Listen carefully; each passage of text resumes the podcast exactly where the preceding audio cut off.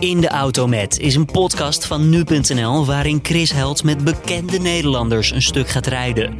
Deze week in de auto Philip Freriks. Ça va? Met mij gaat het goed, ja. Ja? Ja, Oké, je wil niet in het Frans... eh ja ik kan wel, we- maar dan moet je het allemaal gaan ondertitelen, dat is ook zo lastig. Klopt. On y va. Zo is dat. Eh, als dit wordt uitgezonden... Als op vrijdag wordt uitgezonden en vrijdagavond begint jouw nieuwe meerdelige reeks in de voetsporen van D-Day. Ja, Het gaat over de invasie van eh geallieerden, 6 juni. ja 19 grappig is dat jij ook invasie zegt, hè? dat was de Duitse term. Ja, dus Het grappige is dat wij de Duitse term hebben overgenomen voor Nou, het was van de die Duitsers. landingsoperatie. Het was van de Duitsers op dat moment. Ja, ja weer zeker. terug. Nee, maar het is, het is zo grappig dat wij, eh, dat wij dus dat woord invasie hebben Ja. geadopteerd. Eh, maar goed, het is een, ik vind dat dan wel een grappig detail.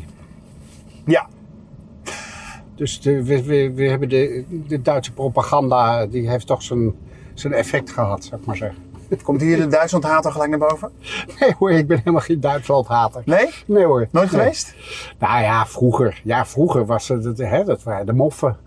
En, Ja, want, want even, voor de duidelijkheid. Twee maanden na, de, na die day ben jij geboren. Ja. Ja, nee, maar wij- ik ben natuurlijk van de generatie van, van, van tijdens, maar ik heb het verder bewust natuurlijk niet meegemaakt, maar wel van de generatie die opgegroeid is eh, vlak na de oorlog. Mhm. En eh, ja, alles stond in het teken van, van de oorlog. Alles was, ja, en alles was voor of na de oorlog. Mhm. En, eh, dus dat was, dat was toch wel iets eh, wat een belangrijke rol speelde. En ik kan me als kind ook herinneren de, de bevrijdingsdag en Koninginnedag en zo. En dan brachten we obades en, en zongen we wiens, Nederlands, wie, wie, wiens Nederlands bloed, nee, hoe is het? Wie Nederlands bloed door de aderen vloeit en zo. En dan, dan voelden we ons heel erg nou ja, verbonden met... eh, met, eh, met eh, Nederland. Oranje, met Nederland. Met, en vooral heel anti-Duits, ja. Ben je daar chauvinistisch door geworden? Nou ja, in die tijd misschien wel, ja. Ja, je was als kind, was je natuurlijk, ja, de, de Hollandse drie kleuren en zo. Dat, dat was wel belangrijk, ja. Hoe ging je daar als tiener mee om? Had je toen nog steeds een soort besef van ik ben Nederland, ik ben er trots op? Nou ja, dat zwakt in de loop van de tijd, zwakt dat steeds meer af. Dus je, je- uiteindelijk ben je het alleen nog als Nederland eh, eh, tegen Duitsland speelt, bij wijze van spreken. nou en dat zelfs dat niet meer. Eigenlijk is daar ook de druk vanaf. Ja, klopt. Dus het is, ehm, het- in de loop der tijd ben je heel anders tegen, tegen, die, tegen Duitsland en tegen de Duitsers aan gaan kijken. En dat is, dat is in, in mijn jeugd en, en misschien zelfs nog wel toen ik vroeg volwassen was. eh, in mijn, laten we zeggen in het begin van mijn eh, volwassenheid. Ja, dat, dat- dat- was het toch nog allemaal heel zwart-wit. Ja, ja, ja. En, en de Duitsers, eh, nou ja, dat was. Ik weet nog wel dat ik als kind. zijn we een keer naar de postbank geweest. Dat is, dat is daarbij achter Arnhem. Ja, En toen stonden we daar boven. Dat is voor Nederland is dat een hoge berg, Ja. hè, de, de postbank. En toen zei mijn vader tegen me: Kijk daar in de verte, dat is Duitsland. En je zag daar iets, iets, het was een warme dag en je zag daar, daar die, die, die, die, die lucht die een beetje trilde. En dat was daar blauw in de, in de verte. ja. En ik vond dat zo intrigerend, maar ik vond dat ook, dat is het land van de angst. Ja, ja, ja, ja, ja. Ja, ja. En dat heb ik later ook wel gehad toen ik voor het eerst in Berlijn kwam. Dat ik ook iets van, dit is de stad van de angst. En Dat is een heel raar gevoel. En dat is heel anders geworden in de loop der tijd.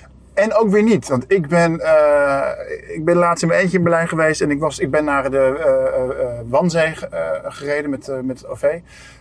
Naar de file waar de zogeheten Wannsee-conferentie eh, Ja, ja. plaatsvond, 1942. En dan heb je toch iets van, oh hier was het dus. En je voelt het nog steeds. Ja. Daar waar de, waar de is, is besproken en, en bevestigd. En ik ging achter die villa zitten om eventjes gewoon te zitten. Het, het werd een beetje frisser. En opeens trokken er een, een gigantische zwerm zwarte vogels trokken van hun, ik denk van hun eetplaats naar hun slaapplaats of zo over het water. Gitzwarte vogels, alsof het de zielen waren van, weet je, dat is misschien een beetje pathetisch, Ja, maar... maar, ja, maar, het is, ja, maar het, het is ook omdat je het zelf zo wilt voelen Ja, natuurlijk. ja. Hè, maar dat is, eh, en dat wat je nu zegt, dat is belangrijk om de oorlog te blijven herinneren. Dat er een bereidheid is bij mensen om zich te blijven willen verplaatsen, willen verplaatsen in wat het Oh ja, zeker, zeker, zeker. Nou ja, ik heb het nog wel, als ik naar Duitsland ga, het is nooit helemaal gewoon. Nee. Het is altijd weer even, oh ja, dit is Duitsland. En het heeft, bedoel, je kunt het relativeren en je, bedoel, eh, Waarom zou je?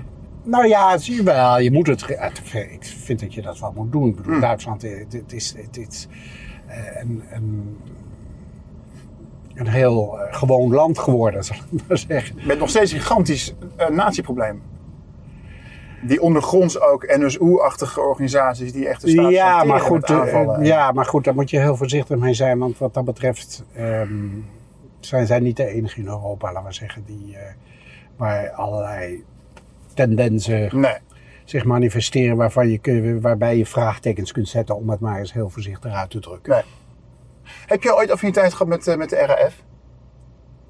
Of tenminste, of sympathie? Ja, nee. Nee, ik ben. eh, nee, ik was. Ik, ik heb nooit begrepen waarom allerlei eh, linkse mensen hier in Nederland, met name ook, laten we zeggen, in VPRO en VARA-kringen, het opnamen voor die RAF. Dat heb ik nooit begrepen. Ik vond dat een. een, een een zeer, eh, hoe zeg je zoiets, ehm, eh, bedenkelijke organisatie. Nou ja, zij groeiden op in Duitsland na de oorlog en zagen zeg maar, SS-functionarissen hoge posities innemen bij de politie bijvoorbeeld. En dachten van, wij moeten daar ook iets tegen doen. Ja, maar de manier waarop ze dat deden leek Ja. me niet erg adequaat, eerlijk Nee. gezegd. Nee. Hè, dat is, ehm, het is altijd weer hetzelfde. Als je met geweld begint, je weet hoe het begint, maar je weet nooit hoe het eindigt. Geweld eh, moet je nooit gebruiken. Nee, oké, maar in de voetsporen van D-Day, als jij praat met een Amerikaanse veteraan of een, Brits veteraan, daar, die, die, die, die, daar sta je ook met een soort van bepaalde eerbied tegenover, toch? Daar heb je toch respect voor. En die heeft toch tuurlijk, ook een gewelddadige Ja, act geleverd ja. om mensen te ontzetten. ja, Wat in nou zijn ogen goed was. Ja, nee, maar zij zijn, ze zijn niet begonnen, zou ik maar zeggen. Oké, ja. Ja, het is de ultieme verdedigingsactie. Ehm, nee, maar natuurlijk, maar die jongens die, die de stranden van Normandië werden opgestuurd, die namen geen beslissingen, die ondergingen het. Veel Ja. van die jongens, die, ik, Alan King bijvoorbeeld, die vertelde me, ja, ik was gewoon een dienstplichtige. Ik, bedoel, ik, ik ging niet eens met de motivatie van, we gaan, ik ga nu Europa bevrijden. Nee, hij werd opgeroepen en hij moest. Ja, En zo was het trouwens aan de Duitse kant in heel veel gevallen ook. zeker. Zeker. Vraag je wel eens af hoe jij geweest zou zijn in tussen 40 en 45 als Ja, je dat eh, vraagt me wel eens af, ja. Hoe, en, en, wat, en waar, Ik, welke ik denk dat ik, ik, ik, ik maak me geen enkele illusie over mijn heldhaftigheid. Nee, ik ook niet. Nee, ik, eh, ik, ik moet ook zeggen, als ik daar op die stranden ben en ik, ik probeer me in te denken hoe, eh, hoe dat ging in die hè, op, op 6 juni en daarna trouwens ook nog. Maar goed, met name op, die, op de ochtend van die 6 juni. Eh, ik zeg het ook ergens, het was letterlijk de dood in de ogen kijken. Ja. Want eh, als die klap naar, beneden- klep naar beneden ging, Ja. dan openden de Duitsers het vuur. En die hadden hele goede machinegeweren. Ehm, ik weet niet wat ik gedaan zou hebben. Ik, ik, ik, ik, geloof dat ik Ik was hem gesmeerd. in mijn, in, mijn, in mijn broek had gedaan van, Ja. van angst. En ik heb het vaak met die jongens erover gehad. En die zeggen, dan, ja, je had geen keuze en dit en dat. Maar degenen die voorop stonden, ja, die hebben het meestal niet overleefd. Nee. Althans, hier moet je ook weer... Kijk, wij hebben het altijd over Omaha Beach. Mhm. Bloody Omaha. Daar zijn veel doden gevallen. Omdat daar eh, de, de bombardementen mislukten en zo. Die, die bommen die kwamen, die hebben ze achter eh, de verdedigingswal eh, gegooid. En die- dus die, ze hebben die kanonnen en, en, en machinegeweren niet kunnen uitschakelen. Maar bijvoorbeeld op de andere stranden is het allemaal veel makkelijker gegaan. Daar zijn relatief weinig doden gevallen eigenlijk. Eh, Ja. ja, dus daar waren ze snel, eh, waren ze daar aan land. Dus dat was een stuk minder dramatisch. Maar het, het symbool van, van D-Day, van, eh, eh, van die landingsoperatie, is Omaha Beach geworden. Omdat daar in die eerste uren, nou ja, ik geloof 2000 eh, jongens zijn, eh, zijn eh, omgekomen. Dus die kwamen uit die schepen, boem, en die, eh, daar, daar stonden mitrailleurs op het strand. eh, of aan het strand in van die kleine, een Ja. soort eh, persoonlijke Ja, ja, ja, bunkertjes. ja, ja. Nou, dat was prijsschieten. Verschrikkelijk. En eh, er is heel veel, dat is het grappige bij, eh, eh, bij, die, eh, bij die invasie. Ehm, is heel veel misgegaan. Er is heel veel, ik bedoel, grosso modo is het gelukt. Ja. Maar er zijn op allerlei details is het, eh, is het gruwelijk misgegaan. Mhm. En dat is met name het geval bij Omaha Beach. Je praat met mensen die, die erbij zijn geweest, die zijn 90. Die moeten hun, ja, Ja, ze zijn bij de 100. zelfs, die moeten hun geheugen eventjes weer 70 jaar terugzetten. Oh, die mensen, die, dat zit in hun kop. Het oh ja, zit- is dat, is dat niet moeilijk als interviewer? Nee, nee, ze hebben ze die verhalen. Dat, ze hebben, eh, kijk, die mensen hebben heel vaak, tientallen jaren lang, hebben ze daar niet over gepraat. Ja. En eigenlijk pas bij de eerste grote herdenking, dat is de 40ste, 40 jaar na die day, Ja. dan, dan begint, begint men erover te praten. En dan krijgen zij ook de erkenning Mhm. die eh, ze tot nu, tot nu toe, ja, is iedereen bezig met wederopbouw en eh, nou ja, noem maar op. En ehm, ik denk ook dat die mensen in de loop der tijd er een beetje anders tegenaan zijn gaan kijken. Dus, Hoe dan? Nou ja, in het begin is het nog van, eh, ah, ja, we gingen die strand op en hè, stoere, ja. stoere verhalen. Ja. En nu eh, Komen de verliezen in beeld? ja, ja. en, en zijn het, merk je dat het mensen zijn die eigenlijk allemaal min of meer beschadigd zijn. Ja. Allemaal. En, en die met heel veel emotie terugdenken aan die tijd. Want ze Ja. hebben wel het een en ander meegemaakt. Uiteraard. Was je bang om tijdens die gesprekken oude wonden open te rijden? Dat je denkt van ik ga nu toch, dit wordt te pijnlijk, ik ga nu misschien een beetje gas terugnemen in mijn vraagstelling bijvoorbeeld. Ja, nou ja, soms, eh, ja, je merkt wel dat er bij sommige mensen eh, een aarzeling was. En, eh, de- in de meeste gevallen wilden ze er graag over praten. Mhm. Ehm, ja, ze, ze, ze, de, de, de tijd dat, ze, dat, ze, dat het iets was wat ze voor zichzelf wilden houden, die is wel voorbij. Dus ze willen er wel graag over praten, maar het hangt ook een beetje af van wie. Ik heb bijvoorbeeld een oude weermachtsoldaat, die bleek toch eh, de avond na of de nacht na ons interview, eh, heeft hij de hele nacht niet geslapen. Dat, Ja, wat oh. we, we hadden afgesproken dat we de volgende dag nog zo terug zouden komen. En toen hebben we dat eigenlijk maar laten zitten. Want, eh, want en hij had nog tegen ons gezegd: Ja, nee, maar ik heb het allemaal verwerkt. Ik heb het allemaal opgeschreven. En, dus ik, kan daar, ik kan daar uitstekend tegen.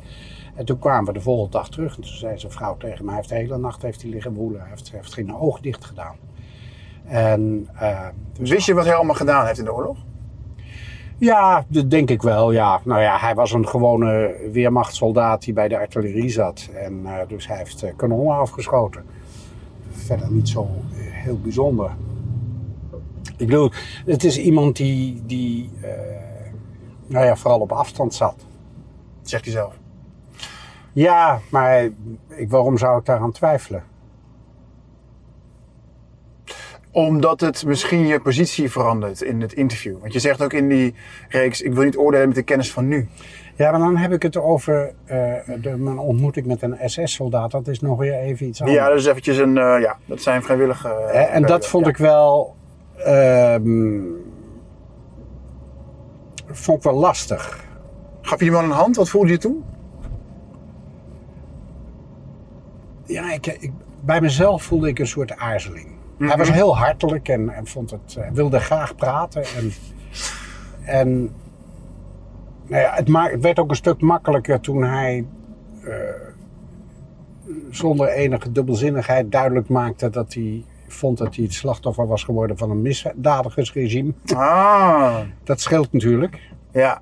Maar het is heel dubbel bij die jongens. Of bij die mannen. Kijk, het was hun jeugd. Dus ze hebben ook goede herinneringen. En het is voor een Duitse soldaat, of, en zeker als het dan ook nog een SS-man is, is het dus heel moeilijk om te zeggen dat hij goede herinneringen heeft. Want dat mag eigenlijk niet Nee. van ons. Nee. Wat vind je ervan? Ja, nou ja, ik begin. Dat, dat, dat is het verschil van hoe je naar de dingen kijkt. Ik zou dat 50 jaar geleden of 40 jaar geleden een schande hebben gevonden. En nu begrijp ik het. Tenminste, ik denk dat ik het begrijp. Omdat je zelf ouder bent geworden? Ja, ongetwijfeld. Omdat je milder bent geworden?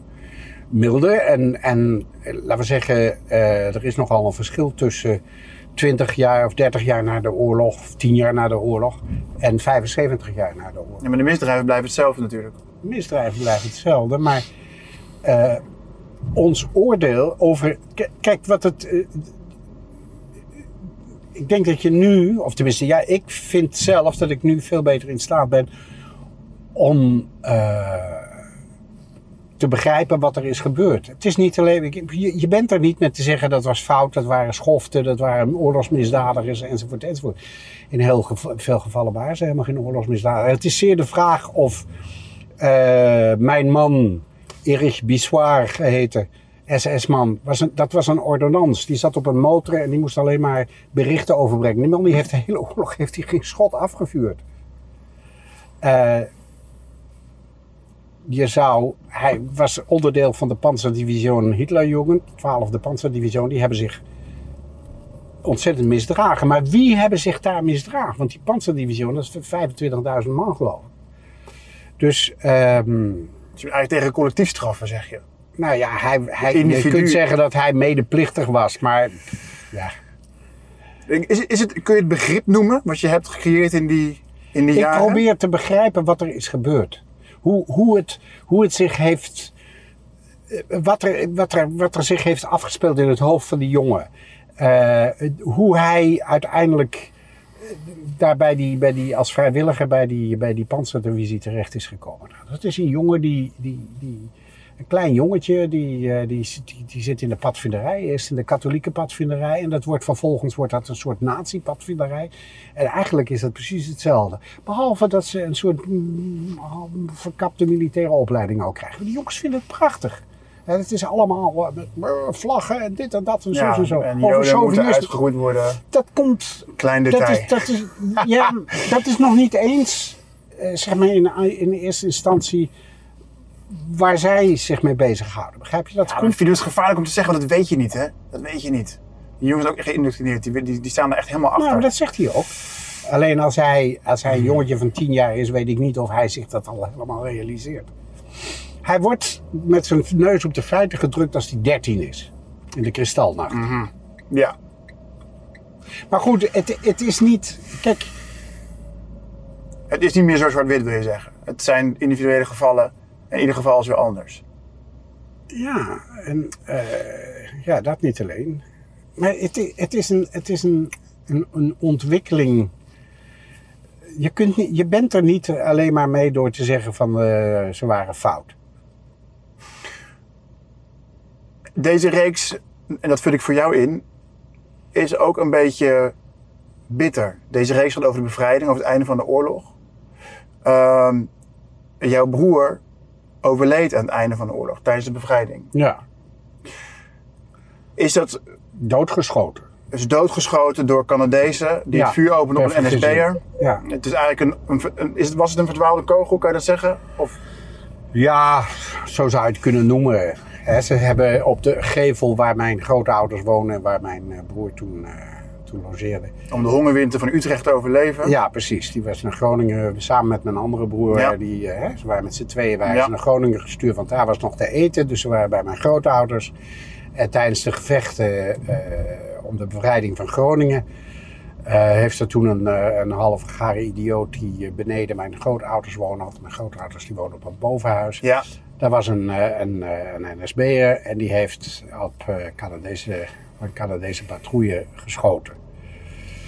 En die, ehm, die Canadezen hebben hem, eh, een, een half uur of drie kwartier later hebben ze een, eh, een Brand Carrier, dat is zo'n kleine een soort, soort open tankje, eh, gestuurd. En die heeft een salvo afgevuurd op waar die man woonde, op die gevel van dat huis. En toevallig stond mijn broer, die stond voor het raam te kijken. En dan zul je zeggen, hoe kan dat nou dat ze voor het raam stonden te kijken? Maar iedereen die stond, de mensen stonden op straat zelfs te kijken. Blij, blij, opgelucht. Nou ja, en, Bevrijd te zijn. ja, maar ook totaal zich niet bewust van de gevaar. Want Ja. gevechten waren nog gaande. Ja. Alleen op dat moment was er een soort rustpauze. Dus, en ze hadden al Canadezen voorbij zien komen. En de mensen gingen weer de straat op. Het- Ik heb een, iemand gesproken die daarbij was. Die was toen 16. En die zei, we zaten in de portieken. En we gingen zo gauw het even niet meer geschoten werd. Dan gingen we naar buiten, gingen we kijken. En zo, oh, daar lag een lijk. En daar eh, dit en dat. Mhm. en dan werd er weer zo, hop, dan doken ze weer de portieken in. Maar spookt het door je hoofd als jij de, de bevrijding van een, van een continent verslaat? Nee, Wat, dat- wat, wat, wat Nee, dan, tegelijkertijd de dood van je broer was. nee, dat, dat, dat, eh, nee zo, gaat, zo werkt dat niet. Waarom niet? Nou ja, maar ik bedoel, ik, ik ben niet. eh, ik, ik doe niet mee of ik presenteer niet die serie vanwege de dood van mijn broer. Ik Dat snap ik. Hè, dus ik, ik ben daar gewoon mee bezig. En dan ben ik, maar ik ben me wel heel erg bewust van het feit of van, van wat een oorlog teweeg kan brengen. Hè, dat heb ik in mijn kindertijd, is me dat heel, eh, is me dat heel goed duidelijk geworden, duidelijk gemaakt. Ik heb gezien wat, wat voor een ellende, wat voor een verdriet dat kan veroorzaken.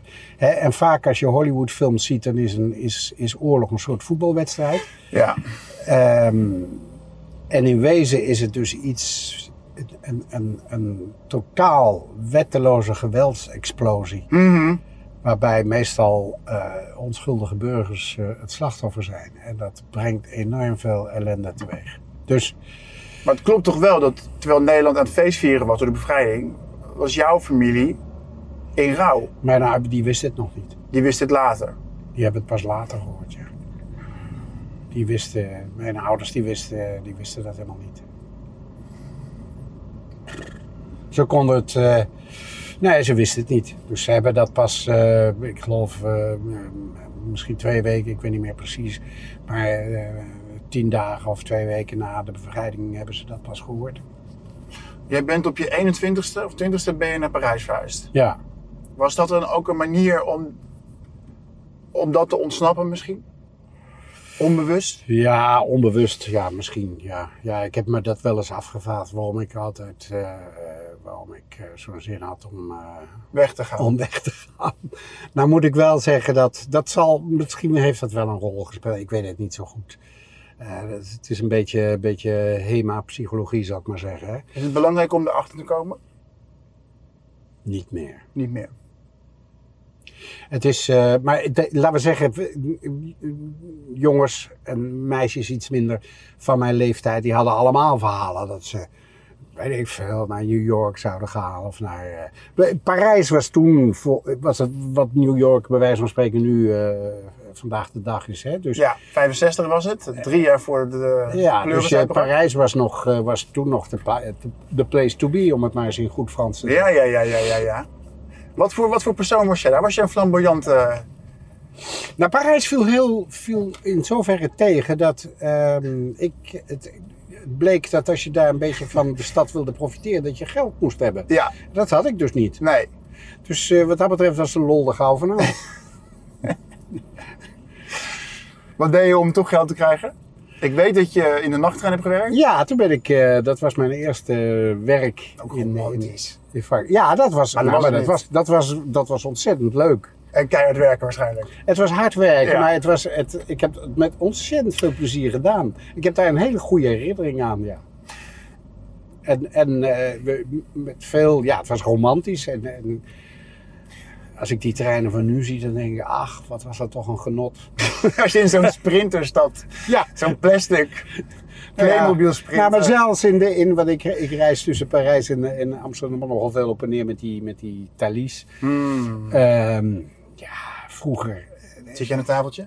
Ja, ik zit wel aan het tafeltje. Ja, maar dat is, dat, dat is niks meer vergeleken bij wat er Nee? toen was. Dan, kreeg je dus, dan ging je naar de restauratie. Je ging dus naar een restauratiewagen. Ja. En dan, dan werd je er een vijf gangen menu werd je opgediend.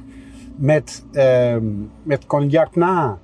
Ik bedoel, dat, dat, dat kun je je niet meer voorstellen. Met, met een hele brigade. Dus, en die, die dan in die treinen en dan met grote schalen je bediende en Ja. zo. Dat was echt Ja, fantastisch. een bouillabaisse over je schoot. Loeiheet. Ja, nee, maar het, het knappe van die mannen was dat hij ervoor zorgde dat er niks over je schoot kwam.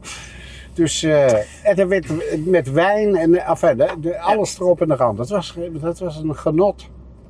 Oké, Parijs als, als, als, laten we zeggen, toevluchtsoord. eh, je hebt er ook een soort, eh, misschien wel een soort eh, parallele identiteit opgebouwd. Je bent ook getrouwd met een Parisienne.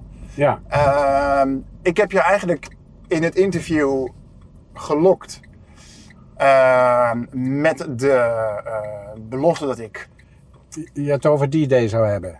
Ook, Nee? maar ook over vragen die beroemde in Parijs woonachtige schrijvers en denkers. Oh ja, ja gehad. dat is ook zo, ja. ja de Baudelaires, Ja. eh, de Sartres. Dat, dat, dat bleek moeilijker dan gedacht. ja. Maar ik heb een goede, goede troostprijs. Ik heb de vragenlijst van ook een Parijzenaar, of tenminste. Van Proest. Marcel Proest. Ja, ja. Die heb ik eh, meegenomen. Dat is een hele beroemde vragenlijst. Een hele beroemde ja. vragenlijst. Ja, je had vroeger, zal ik je vertellen, je had vroeger op de, of vroeger, nee, nee, tot, tot een aantal jaren geleden, in de tijd zeg maar van dat Adriaan van Dis Ja? zijn boekenprogramma in Nederland had, had je in Frankrijk had je een boekenprogramma van meneer Bernard Pivot, Mhm. Echt een grote ster in Frankrijk nog altijd. En die eindigde zijn uitzending altijd met de vragenlijst, voor een van zijn gasten, met de vragenlijst van Proest. Mhm. Dus, Ik moet zeggen, het is niet van Proest eigenlijk. Hij heeft die vragenlijst van een vriendin gekregen toen hij een tiener was. Dus is weer een zoveelste voorbeeld van hoe vrouwen en de rol van vrouwen in de recente cultuur is gedecimeerd.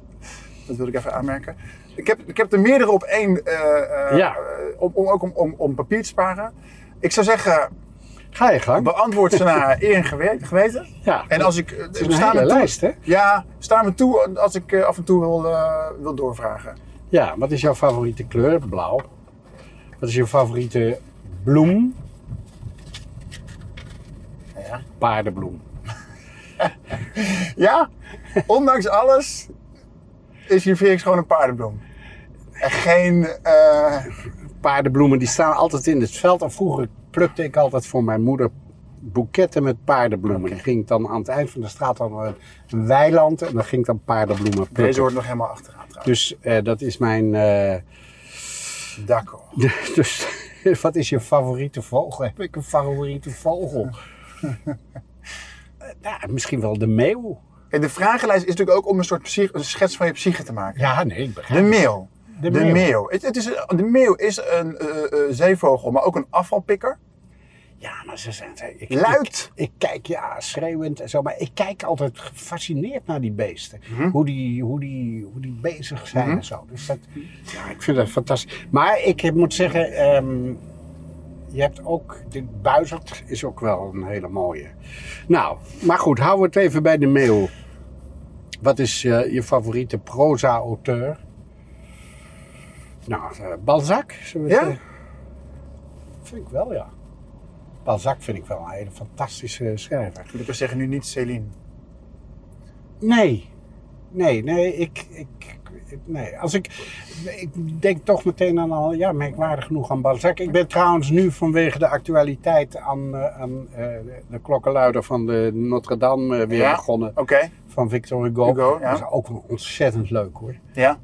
Nou, wat mij opvalt nu in één keer is eh, dat ik heb dat honderd jaar geleden heb ik dat misschien wel gelezen in het Nederlands waarschijnlijk. Maar wat me nu opvalt is eh, de ironie. De, de, de, nou, dit boek is uit 1830, hè? dat is dus nog een tijd dat, eh, dat heel respectvol voor allerlei dingen. En ehm, de manier waarop hij een kardinaal beschrijft en zo, dat is heel oneerbiedig. Dat is ontzettend leuk. Ja. Nou, literaire held. Heb ik een literaire held? Quasimodo? Nee, de graaf van Monte Cristo. Ah. Ja, de graaf van Monte Cristo. Eh, wat is jouw favoriete componist? Ehm, ja, als ik componist... ik denk meteen aan Miles Davis. Ja, mooi hè. Dat is misschien niet de componist, maar ja. ja, Davis, dat is toch wel...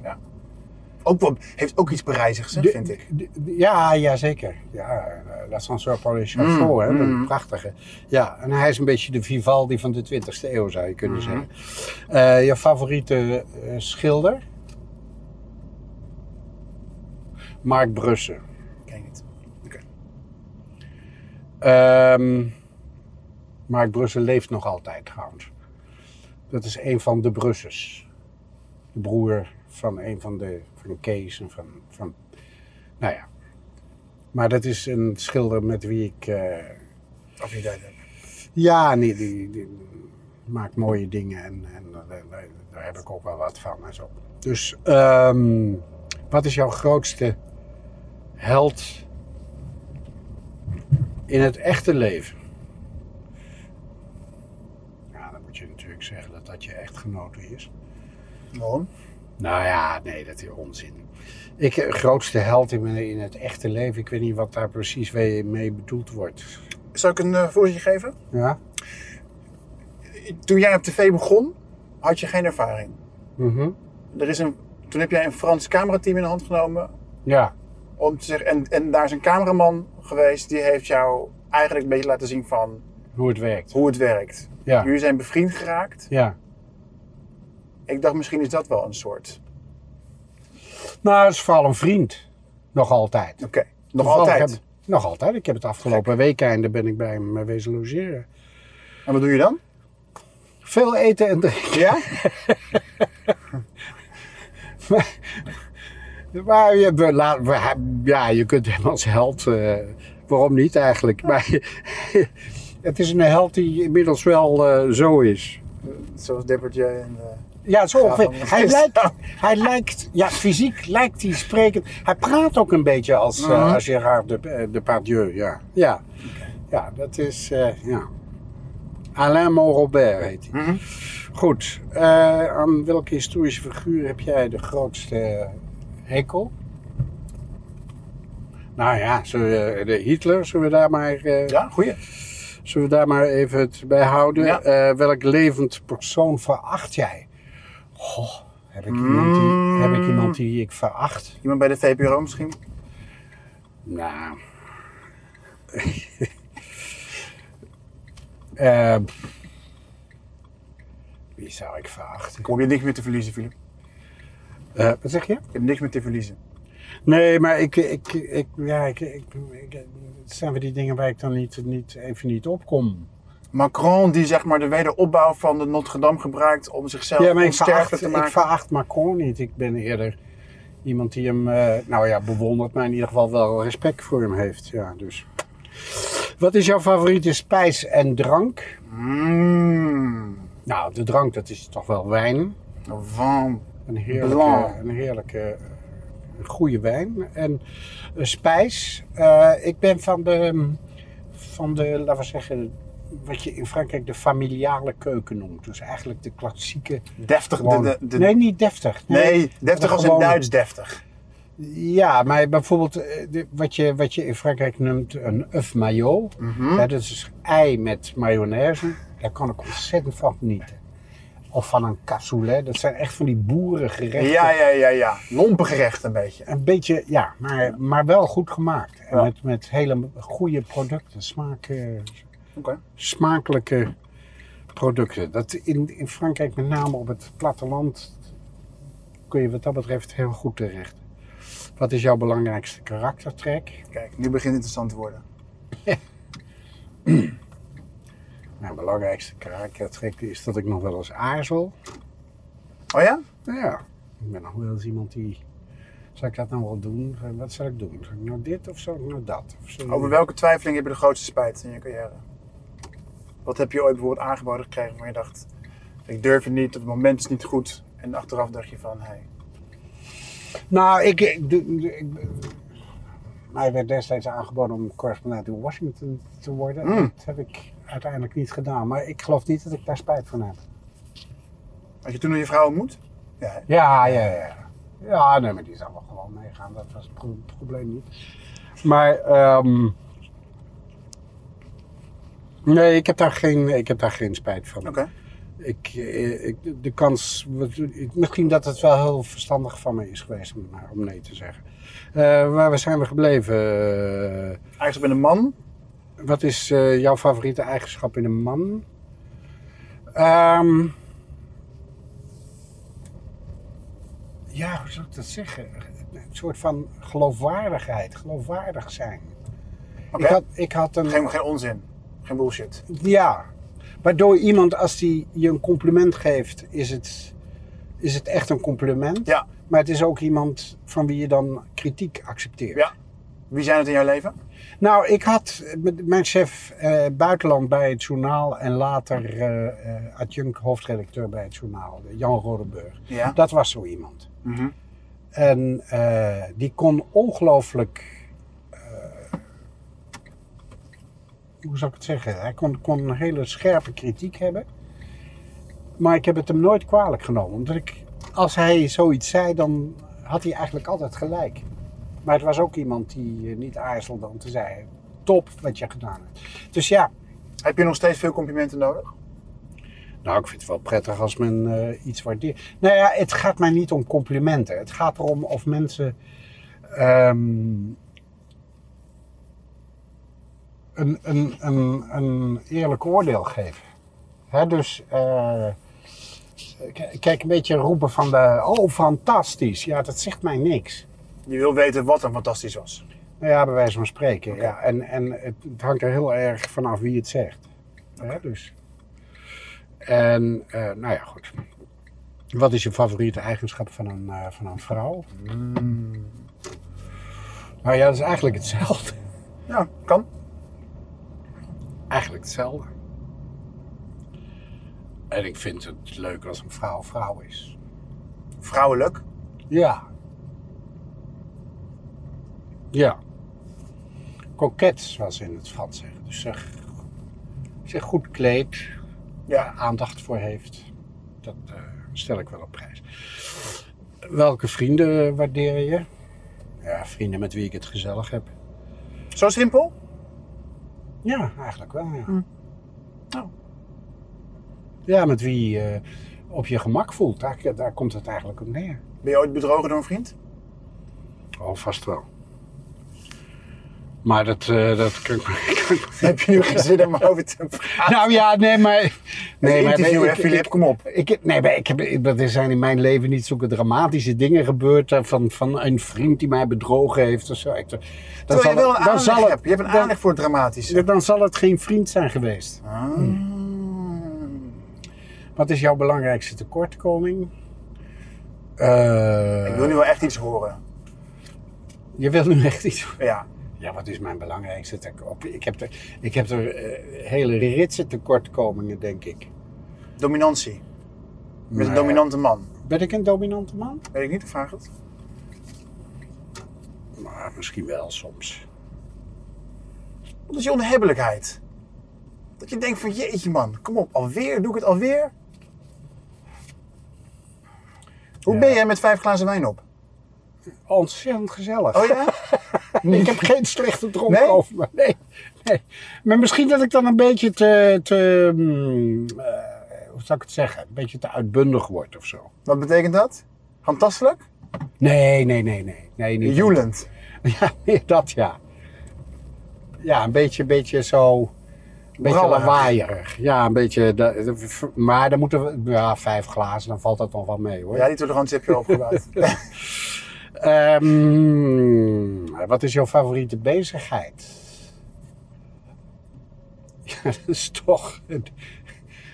Nou, een van mijn favoriete bezigheden is, is eigenlijk de geschiedenis nalopen. Waarom doe je dat? Ja, dat vind ik leuk. Vind ik, eh, ik vind, vind, vind ik spannend. De plekken aanraken waar zich iets heeft eh, afgespeeld. Ik vind het leuk. Dan kom ik langs een plek en dan zie ik... Hé, hey, Flaubert heeft hier gewoond. En daarboven die... Wat doe je dan? Wat doe je dan? Nou, even kijken. En, zo, en dan zie ik dat boven, dus, dan staat er nog een plaatje. In Frankrijk hebben ze vaak van die plaatjes op de deur. Dat maakt, maakt het allemaal lekker makkelijk. En dan, dan zie je dat daar ook nog een terroristisch commando heeft gezeten. Dat een aanslag heeft gepleegd in 18 zoveel. Eh, en, en waarbij 17 doden zijn gevallen. Dan denk je, god, er is niks nieuws onder de zon. Ik, ik vind dat... Hoe ver ga je in het eh, dichtbij komen van Sinnes? Boudewijn Buge heeft een keer het bed van Goethe aangeraakt. Die is over een, over een lint geklommen aan het doen. Ja, maar Boudewijn Buurt die werd dan helemaal lyrisch en die ging helemaal, helemaal uit zijn bol. Eh, zo, zo, zo, zo ben ik, ik, ik Je ben hebt wat een- minder je- wat dat je- betreft. Nooit in een deurklink gelikt?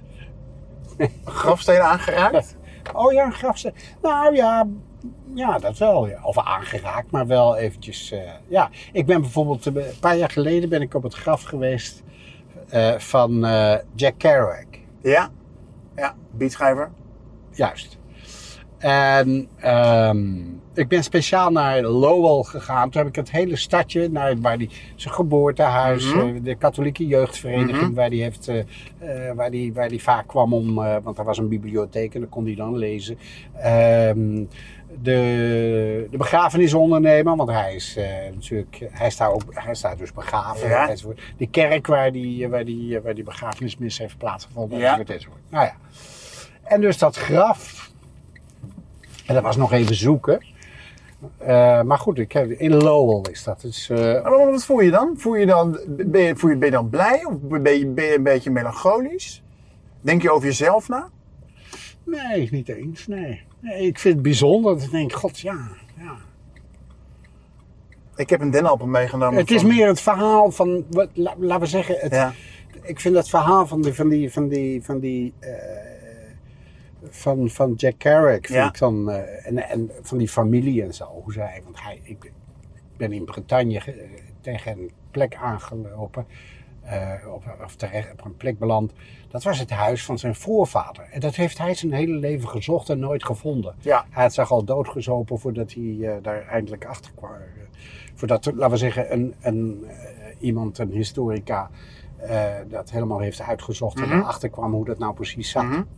En, want het is een Bretonse familie die naar Canada is, is, eh, is eh, of hij, het, dus zijn voorvader is naar Canada eh, verhuisd, of liever gezegd gevlucht, omdat hij verdacht werd van waarschijnlijk het bezwangeren van een jonge dame in die tijd. Mm. Nou ja, goed. Stel, jij komt ooit overlijden.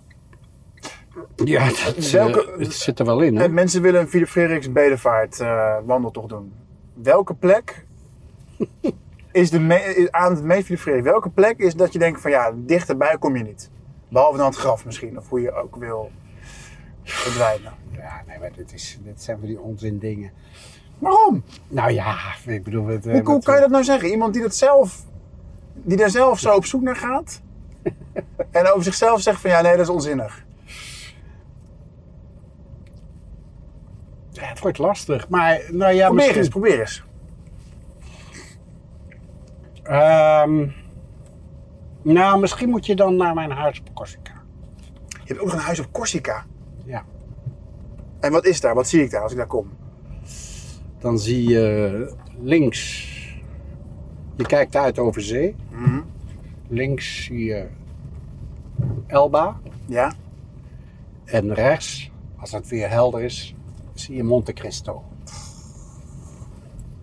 Wat ruik je? Ehm, dat hangt af van het seizoen, maar Ja? je ruikt eh, bloemen. Aha. En je ruikt eh, de zee soms. Is dat de plek waar je het gelukkigst bent?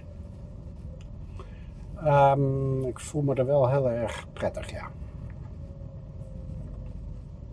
En met name de, ja, het uitzicht. Hè? Dus, eh, dat is veranderd van minuut tot minuut. Dat is het voordeel van de zee en wind. Mhm. En, eh, en dus, ja, ik woon in het begin van eh, dat boek van Alexandre Dumas, De Mm. Graaf van Monte Cristo. Dat speelt zich voor mijn deur af, zal ik maar zeggen. Vandaar mijn, eh, dat personage van de Graaf van Monte Cristo. Ja. En dat eiland, dat ligt daar. En daar mag, dat, is, dat is beschermd gebied, dus daar, Ja. je kunt daar niet komen, tenzij je eh, je kunt je inschrijven op een, op een lijst bij het ministerie van Landbouw in Rome. En dan kom je op een wachtlijst te staan, want er mogen maximaal duizend mensen per jaar komen. En daar zijn 600 plekken zijn gereserveerd voor wetenschappers en onderzoekers. Dus er is voor gewone toeristen zoals ik zijn er slechts 400 plekken beschikbaar. Dus het duurt een paar jaar voordat je dan eventueel mee mag. Nou, Hoe, lang ben je daar in het jaar? Op Corsica? Ja. Nou, een maand of vier zo. Te gek zeg. Ben je bang voor de dood? Eh, nou, ik zit er niet op te wachten, laat ik het zo zeggen.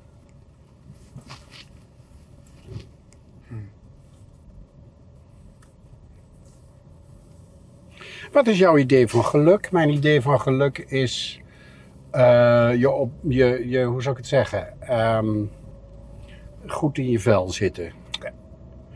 Eh, wat is jouw voorstelling van de ergste misère? Ja, waarschijnlijk honger lijden of zoiets. Eh, wat zou je graag willen zijn? Behalve jezelf. Goh, wat zou ik graag willen zijn?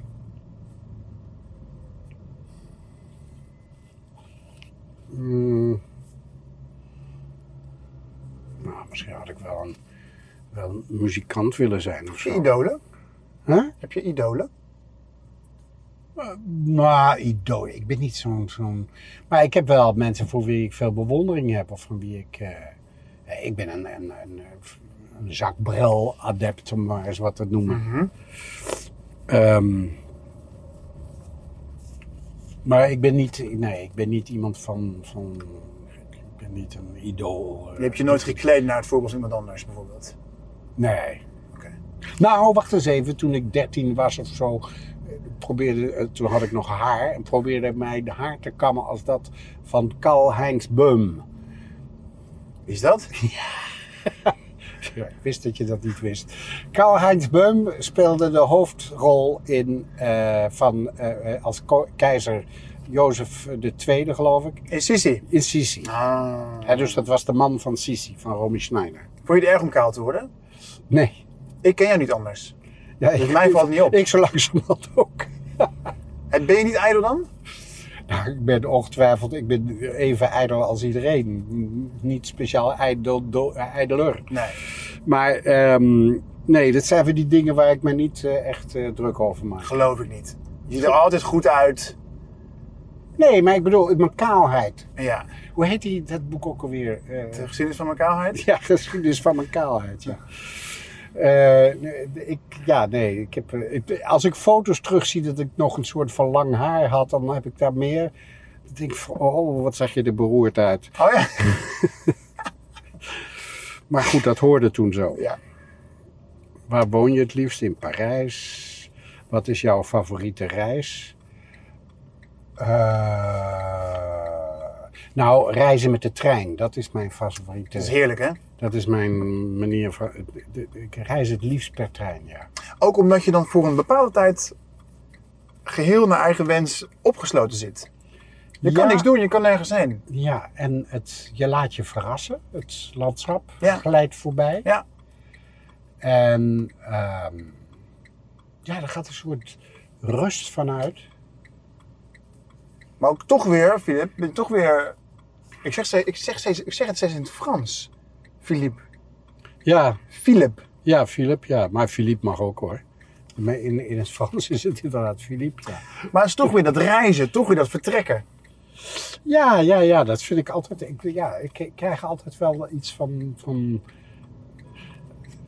Maarten van Tra, die naam zegt je waarschijnlijk nog wel wat. Ja, Weet je wel, van de commissie van Tra. ja, Zegt je het, nee? Ik ben in Duitsland geboren opgegroeid, dus. Oké. Nou, Maarten van Tra was een prominent Kamerlid. Ja, die ooit een eh, parlementaire commissie heeft voorgezeten. die onderzoek deed naar eh, hoe de politie ah, de drugshandel. ja, eh, nou ja, be- behandelde, onderzocht, enzovoort, enzovoort. En of er niet een soort. eh, of de politie zich daar wel. eh, zich daar niet in eh, niet misdroeg. Of mhm. integriteitskwestie. Ja, soort dat van. was, eh, nou ja, dat- kijk, de politie maakte gebruik van, van, van tipgevers enzovoort enzovoort. Moest daardoor druk, eh, drugstransporten doorlaten. Daar Ja. wisten ze van, kon je dat nou wel doen enzovoort. Enfin, die, die commissie van Tra, dat wa- was, destijds was dat echt dagelijks voorpagina nieuws. En Maarten van Tra was daar de voorzitter van. En die is tragisch bij een verkeersongeluk omgekomen. Dat is een goede vriend van me. En ehm, Maarten was een treinengek. Die, maar echt een treinengek. Dus die kende ook alle eh wagontypes uit Ja, zijn hoofd. Dan ja. zei hij, ja, dat was een B, weet ik veel, enzovoort, enzovoort. Zo.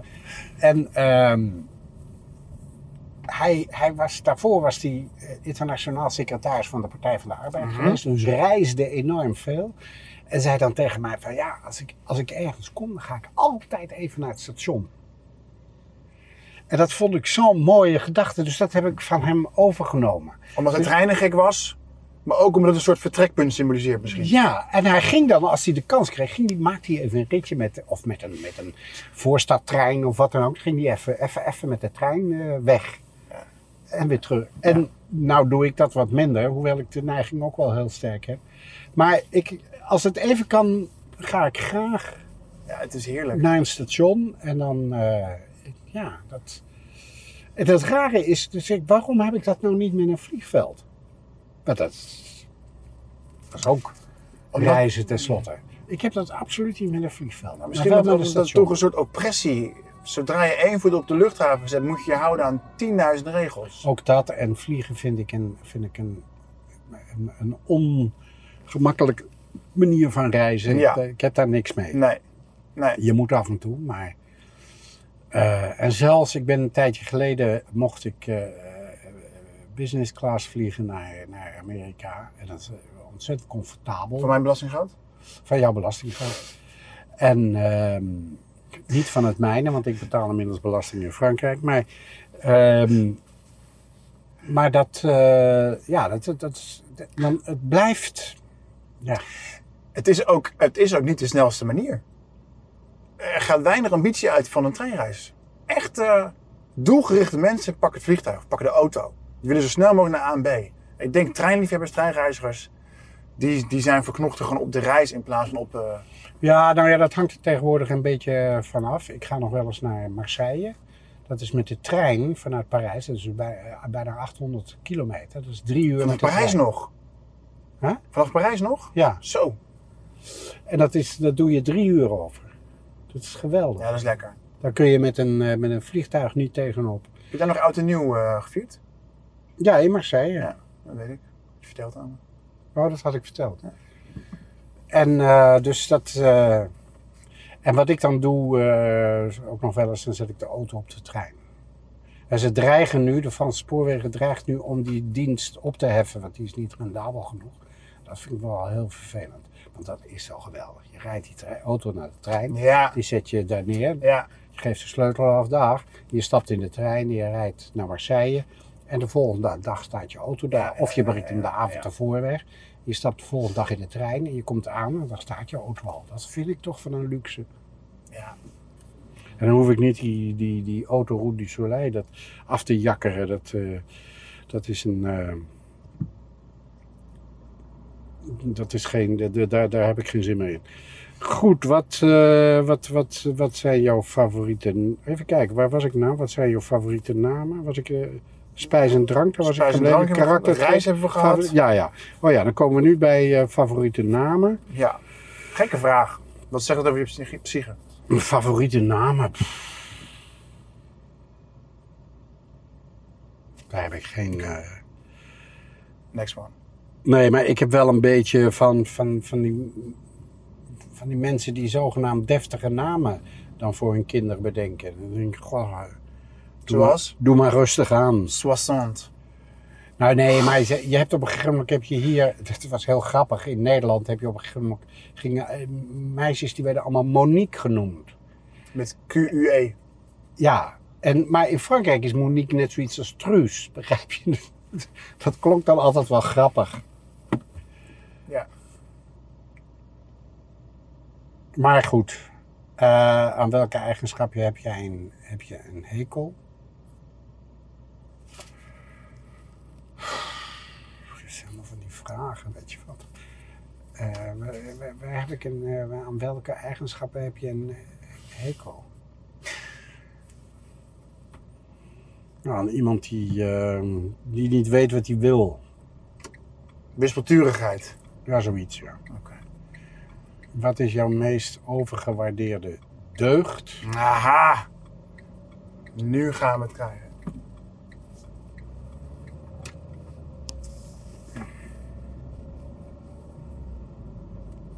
Ja, dat weet ik niet.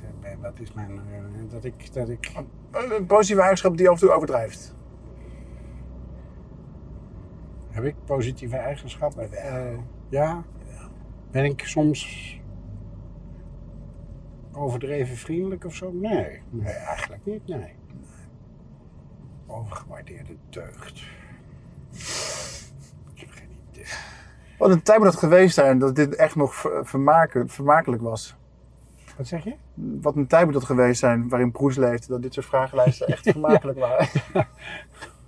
Welk talent zou je willen hebben? Nou ja, het muzikale talent, dat zou ik wel willen. Kan je geen instrument spelen? Nee, ik heb vroeger wel pianoles gehad. Dat was een drama. Dus, eh, Ben je een goede danser? nee. Jammer. Ja, dat zou ook wel prettig zijn geweest als ik goed zou kunnen dansen. Ik heb Hoezo? vroeger nog wel op dansles gezeten. Dat ging je vroeger, hè? Dat ging Ja? je op dansles. Ja, Ik ook nog. 10 lessen voor 25 gulden.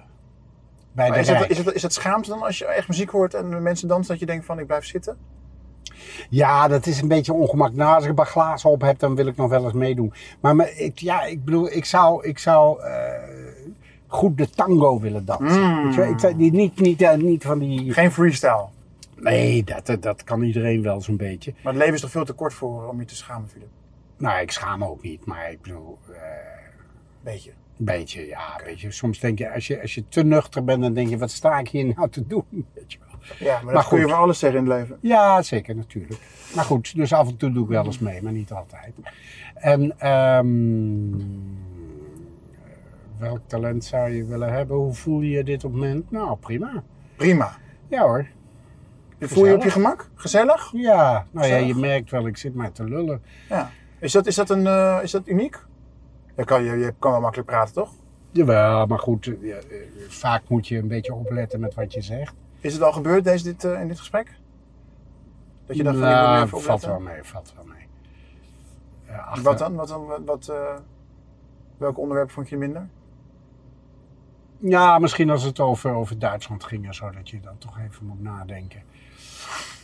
Welke kop erboven het artikel verschijnt? Als Niet het over Duitsland gaat, moet je nadenken, ja.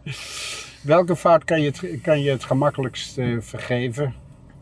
Nou, als iemand iets vergeten is of zo. Dat, eh, waarvan heb je de grootste... Maar laat me, laat me ik, ik, moet, ik moet het heel even bespreken. Wat moet je bespreken? Jij ontslag als columnist bij eh, OVT. Oh god, dat heb ik al, eh, dat is al, heb ik al verdrongen. Verdrongen? Ja, zoiets, ja. Oké. Dat Geen is- woorden meer aan... Nee, het is, het is voor mij is dat alweer zo lang geleden. Dat, je kunt daar niet in blijven, blijven, bl- over blijven zeuren. nee. Dus eh, Oké. Waar staat over? Is het onvoltooid verleden tijd? wat zeg je? Staat het voor onvoltooid? Ja, ja, ja. ja. Ehm, eh, waarvan heb je de grootste spijt?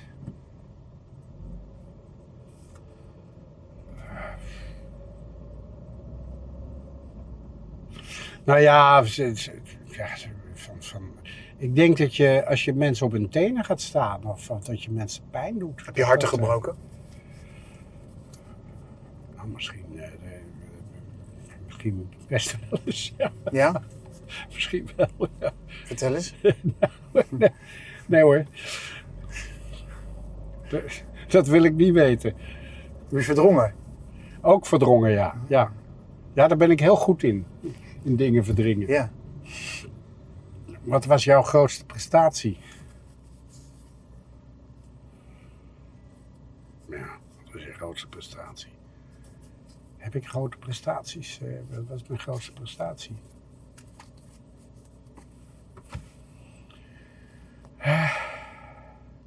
Kom op. Ja, maar dat zijn van die dingen, maar je grootste prestatie. Waarom ben je zo... Je hebt, je hebt een gigantische tv-carrière gehad. Je hebt, een, je hebt een gezin. Je hebt een huis op Corsica. Je bent de meest Ja, in goede zin theatrale gaan nieuwsanker van Nederland geweest. En dan moet je, eh, ja, maar goed, daar wordt ook weer heel veel, eh, daar kun je ook weer heel veel. Ben je nog steeds bang om dingen te zeggen waar, waar andere mensen zeggen van... Jezus, eh, Frederik mag wel een tandje minder. Nou ja, maar ik ben niet iemand die, die, eh, die zich ontzettend op de borst slaat. Doe het alsjeblieft voor mij, één keer. Wat is het wat je denkt van, dit doet niet met mij zo snel aan? Nou ja, ik ben het niet ontevreden over dat ik. Heel Nederland wil weten wat Philip Frederiks vindt van de afgebrande Notre Dame. Dat, is toch, dat, dat heb je toch wel klaargespeeld. Ja, Ja. Dat, ik bedoel, even moet je het Alsof dat de grootste prestatie Weet ik eh, niet, maar dat, wil- dat, dat, dat, dat illustreert wel wat, jij, eh, wat je bent geworden voor veel Nederlanders. Ja, maar wat die Nederlanders daarvan vinden, dat, kan, ja, dat is verder niet zo. eh, wat vind ik? En ik vind eh, grootste prestatie, ja, wat is de grootste prestatie? Ik ben, ik ben blij over sommige dingen die ik heb gedaan. Zoals? Nou ja, ik heb bijvoorbeeld afgelopen najaar hebben we een serie eh, uitgezonden. Een Hollander in Parijs. Dat Mm. ging over verschillen. Nou, daar was ik ontzettend, dat vond ik ontzettend leuk om te doen. En, en daar was ik heel tevreden over. En eh dacht, goh, dat hebben we toch maar gedaan. Samen met, eh, met Annette Bakker, de regisseur. En ehm, ja, dat is zo'n zo'n zo'n iets waar alles op zijn plek valt. En waar je, waar je een soort van gelukkig van wordt, ja. Ja. Dat vind ik dan een prestatie, ja. Ja. Dat vind ik, maar dat is niet Nou, mijn, hè, speciaal is, mijn eh, verdienste. Maar het is een prestatie omdat het, omdat het zo mooi allemaal lukt. Omdat het allemaal zo, zo lekker gaat. Ja, nog steeds. Nou ja, dat, zoiets. Hè, dat is niet met alles zo. Maar, hè, dan, dat, maar dit is een typisch voorbeeld van... hé, hey, dit, eh, hier heb ik me... hier heb ik echt een heel goede herinnering aan. Ja, dat staat dicht bij jou ook. Ja. Dus dat zou je onder de, in de categorie eh, prestatie eh, kunnen laten vallen. Bon. Was dat het? Nee. Ja, nou, oh ja, dan hebben we nog de laatste. Wat is je dierbaarste bezit en wat is je levensmotto? Ja, Jullie luistert mee. dierbaarste bezit is natuurlijk degene die je he- het, het, eh, heel dichtbij eh, zijn. Vrouw, kind. Eh, dat is, dat is eh, Hoe lang zijn jullie bij elkaar? nou, heel lang. Hoe krijg je het voor elkaar? Ja, dat zijn van die, van die dingen. Dat, is me al wel vaker gevraagd. Wat is, Wat is het geheim? wat is het geheim? Er is geen geheim. Het gebeurt. En dan, eh, dan zijn er mensen die, in, die schrijven in de Margriet dat je er aan moet werken. Is toch ook zo? Ja. Kan ik makkelijk van jou houden? Nee, waarschijnlijk niet. Waarom niet? Nou ja, dat weet ik niet, maar het, eh, ik, ik zal best lastig zijn. Wa- Waarin?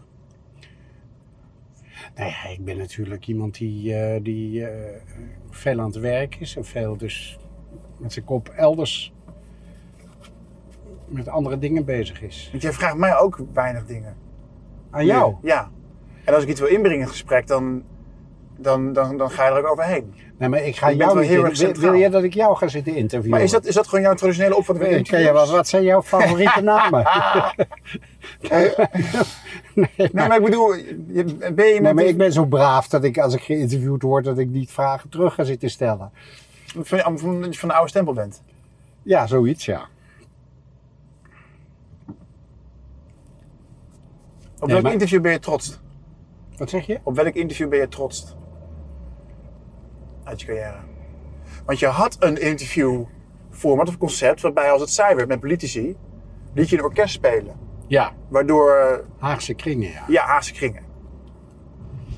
Ja, dat was ook leuk. Dat was ook een, eh, geweldig. Maar het was een, tegelijkertijd een periode waarin ik, eh, nou ja, toch nog eigenlijk begon. Ja, En dus dat was een periode van veel angsten en onzekerheid. Maar tegelijkertijd natuurlijk wel een, eh, wel een bijzondere herinnering, ja. Maar het prettige is als je dingen doet zonder dat het angstig, zonder angsten en onzekerheid gaat. Dat is wel prettig. En, maar Ja. daarvoor moet je wat ouder zijn. veel mensen zeggen ook, je moet stoppen als het je niks meer doet. Qua zenuwen en qua angst. Ja, nou ja, de- zenuwen en angst vind ik niet prettig. Nee? Nee, maar je moet wel geconcentreerd zijn en wel, er moet wel een zekere spanning op zitten. Ja. Maar dat is prettige spanning. Ja. Kijk, zo gauw je het, het zenuwen zijn, dan, dan, dan ben je de controle eigenlijk een beetje kwijt. Ja. En dat is, dat is niet goed. Nee. En een acteur die op moet en verteerd wordt door de zenuwen, dat, dat, eh, dat werkt volgens mij niet. Nee. Hij moet zijn zenuwen, moet hij de baas zijn. Dus hij moet, een, hij moet gespannen zijn, hij moet geconcentreerd zijn. eh, allemaal dat soort dingen.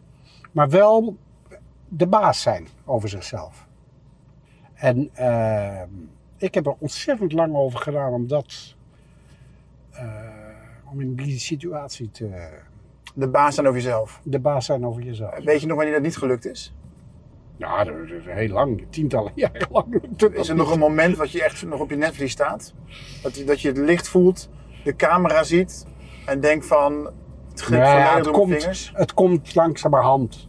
Het komt door routine, het komt door, wat, wat, door kilometers maken, zal ik maar zeggen. Ja, Het komt door.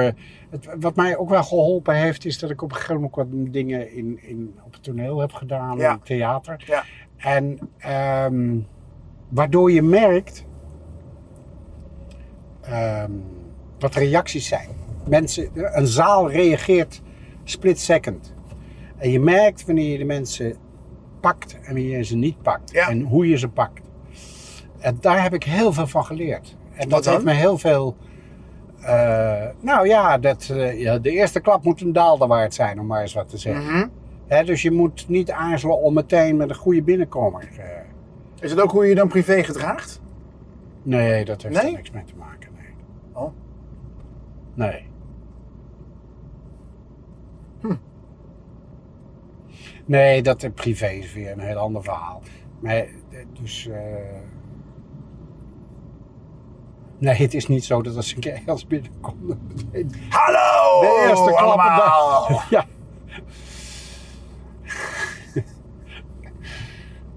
Nee, maar het is net zoals met een. Ik ben nog van de generatie die, van, van, hè, die voor, begon bij een krant. Ja. En ik heb geleerd bij een krant moet je de eerste zin, een goede lead, moet je, moet je maken. De lezer gelijk pakken. De lezer meteen pakken, precies. Ja, Die ja. moet zin hebben om door te gaan. Ja. Je moest van onderaf kunnen wegstrepen, bij wijze van spreken. En eh, zo is het. ehm, als je televisie en dat soort dingen doet, is het precies hetzelfde eigenlijk. Je hebt ook ooit een voorstelling gemaakt, geënt op je eigen leven, toch? Als ik het goed heb begrepen. Mhm. Ik- Ben je ook bezig nu met een soort van memoires al? Nee hoor. Komt dat niet? Nou, ik weet het niet. Ik, ik, er is wel, ik, ben al, ik weet niet hoe vaak is me gevraagd van, goh, eh, kun- je niet een leuk boek over Parijs schrijven, over jou, over jou in Parijs en zo. En dan denk ik, ja, hoe, hoe relevant. Ik, ben, ik heb wel eens wat geprobeerd en dan, dan lees ik dat en dan denk ik, jezus, wat echt. En- Hoe en komt toen- dat dan? En toen en toen, en toen ging meneer dit en toen ging meneer dat. Is dat nou interessant? Is dat nou waar mensen op zitten te wachten? En dan denk ik, nou nee, zo interessant is dat niet.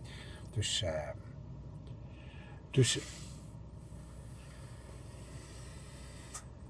kijk, als ik nou eh, allerlei filosofische, diepe, diep gravende gedachten zou hebben.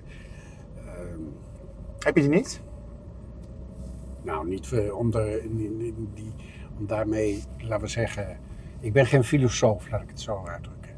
Eh, dus eh, Misschien lukt het als je je verplaatst in een personage. Ja, nou ja, ik. Kijk.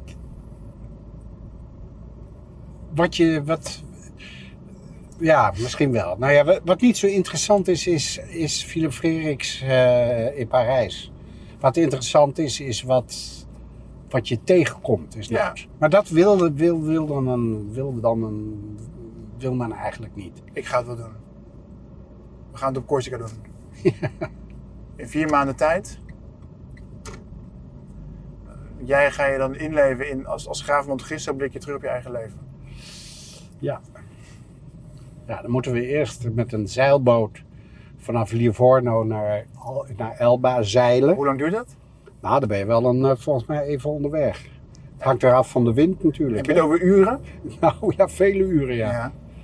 En dan van Elba naar Monte Cristo, dat is wat korter. Oh, wauw.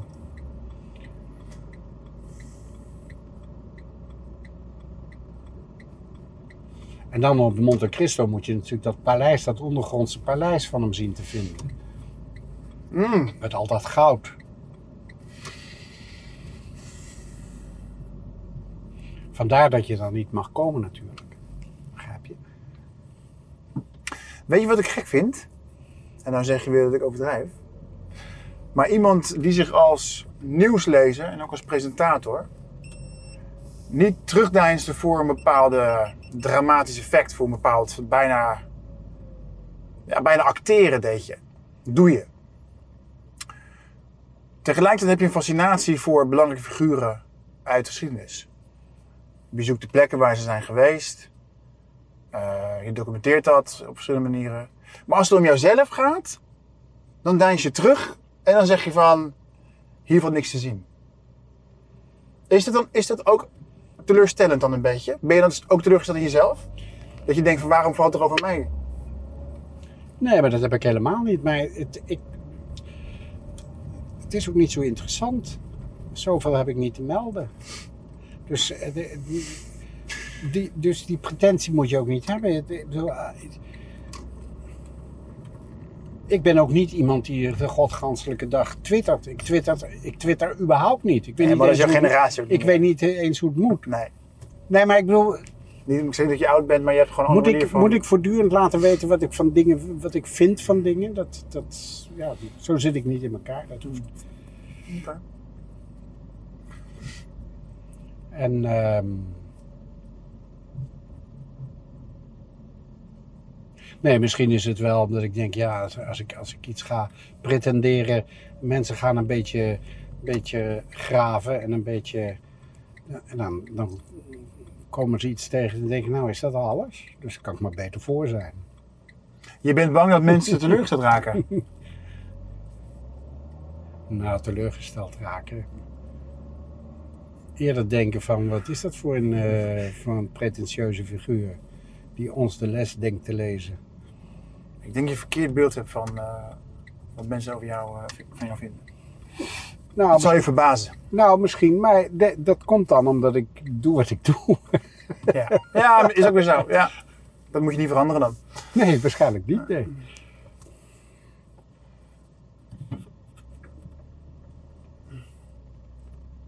En het leuke is dat we het afgelopen uur precies dat hebben gedaan waarvan jij denkt, daar valt niks over te vertellen. Oké. En ik vond het toch geslaagd. Nou, daar ben ik heel blij mee, want Mooi. het zou vervelend zijn als je nu dacht van... eh jee, wat een kut interview. Nee, absoluut niet. Ik ga nog even op mijn blaadje spieken wat ik... eh, Of je nog iets... Je kunt hier eventueel parkeren. Als je... Voor het geval dat je nog... Ja, of jij mag je wel, als je, als je niks meer hebt, mag je, eh, dan laat ik je vrij. Oké. Nou, hier heb je je kaartjes. Heb je alles, Ja, eh, ik heb wel alles. je alles gehad?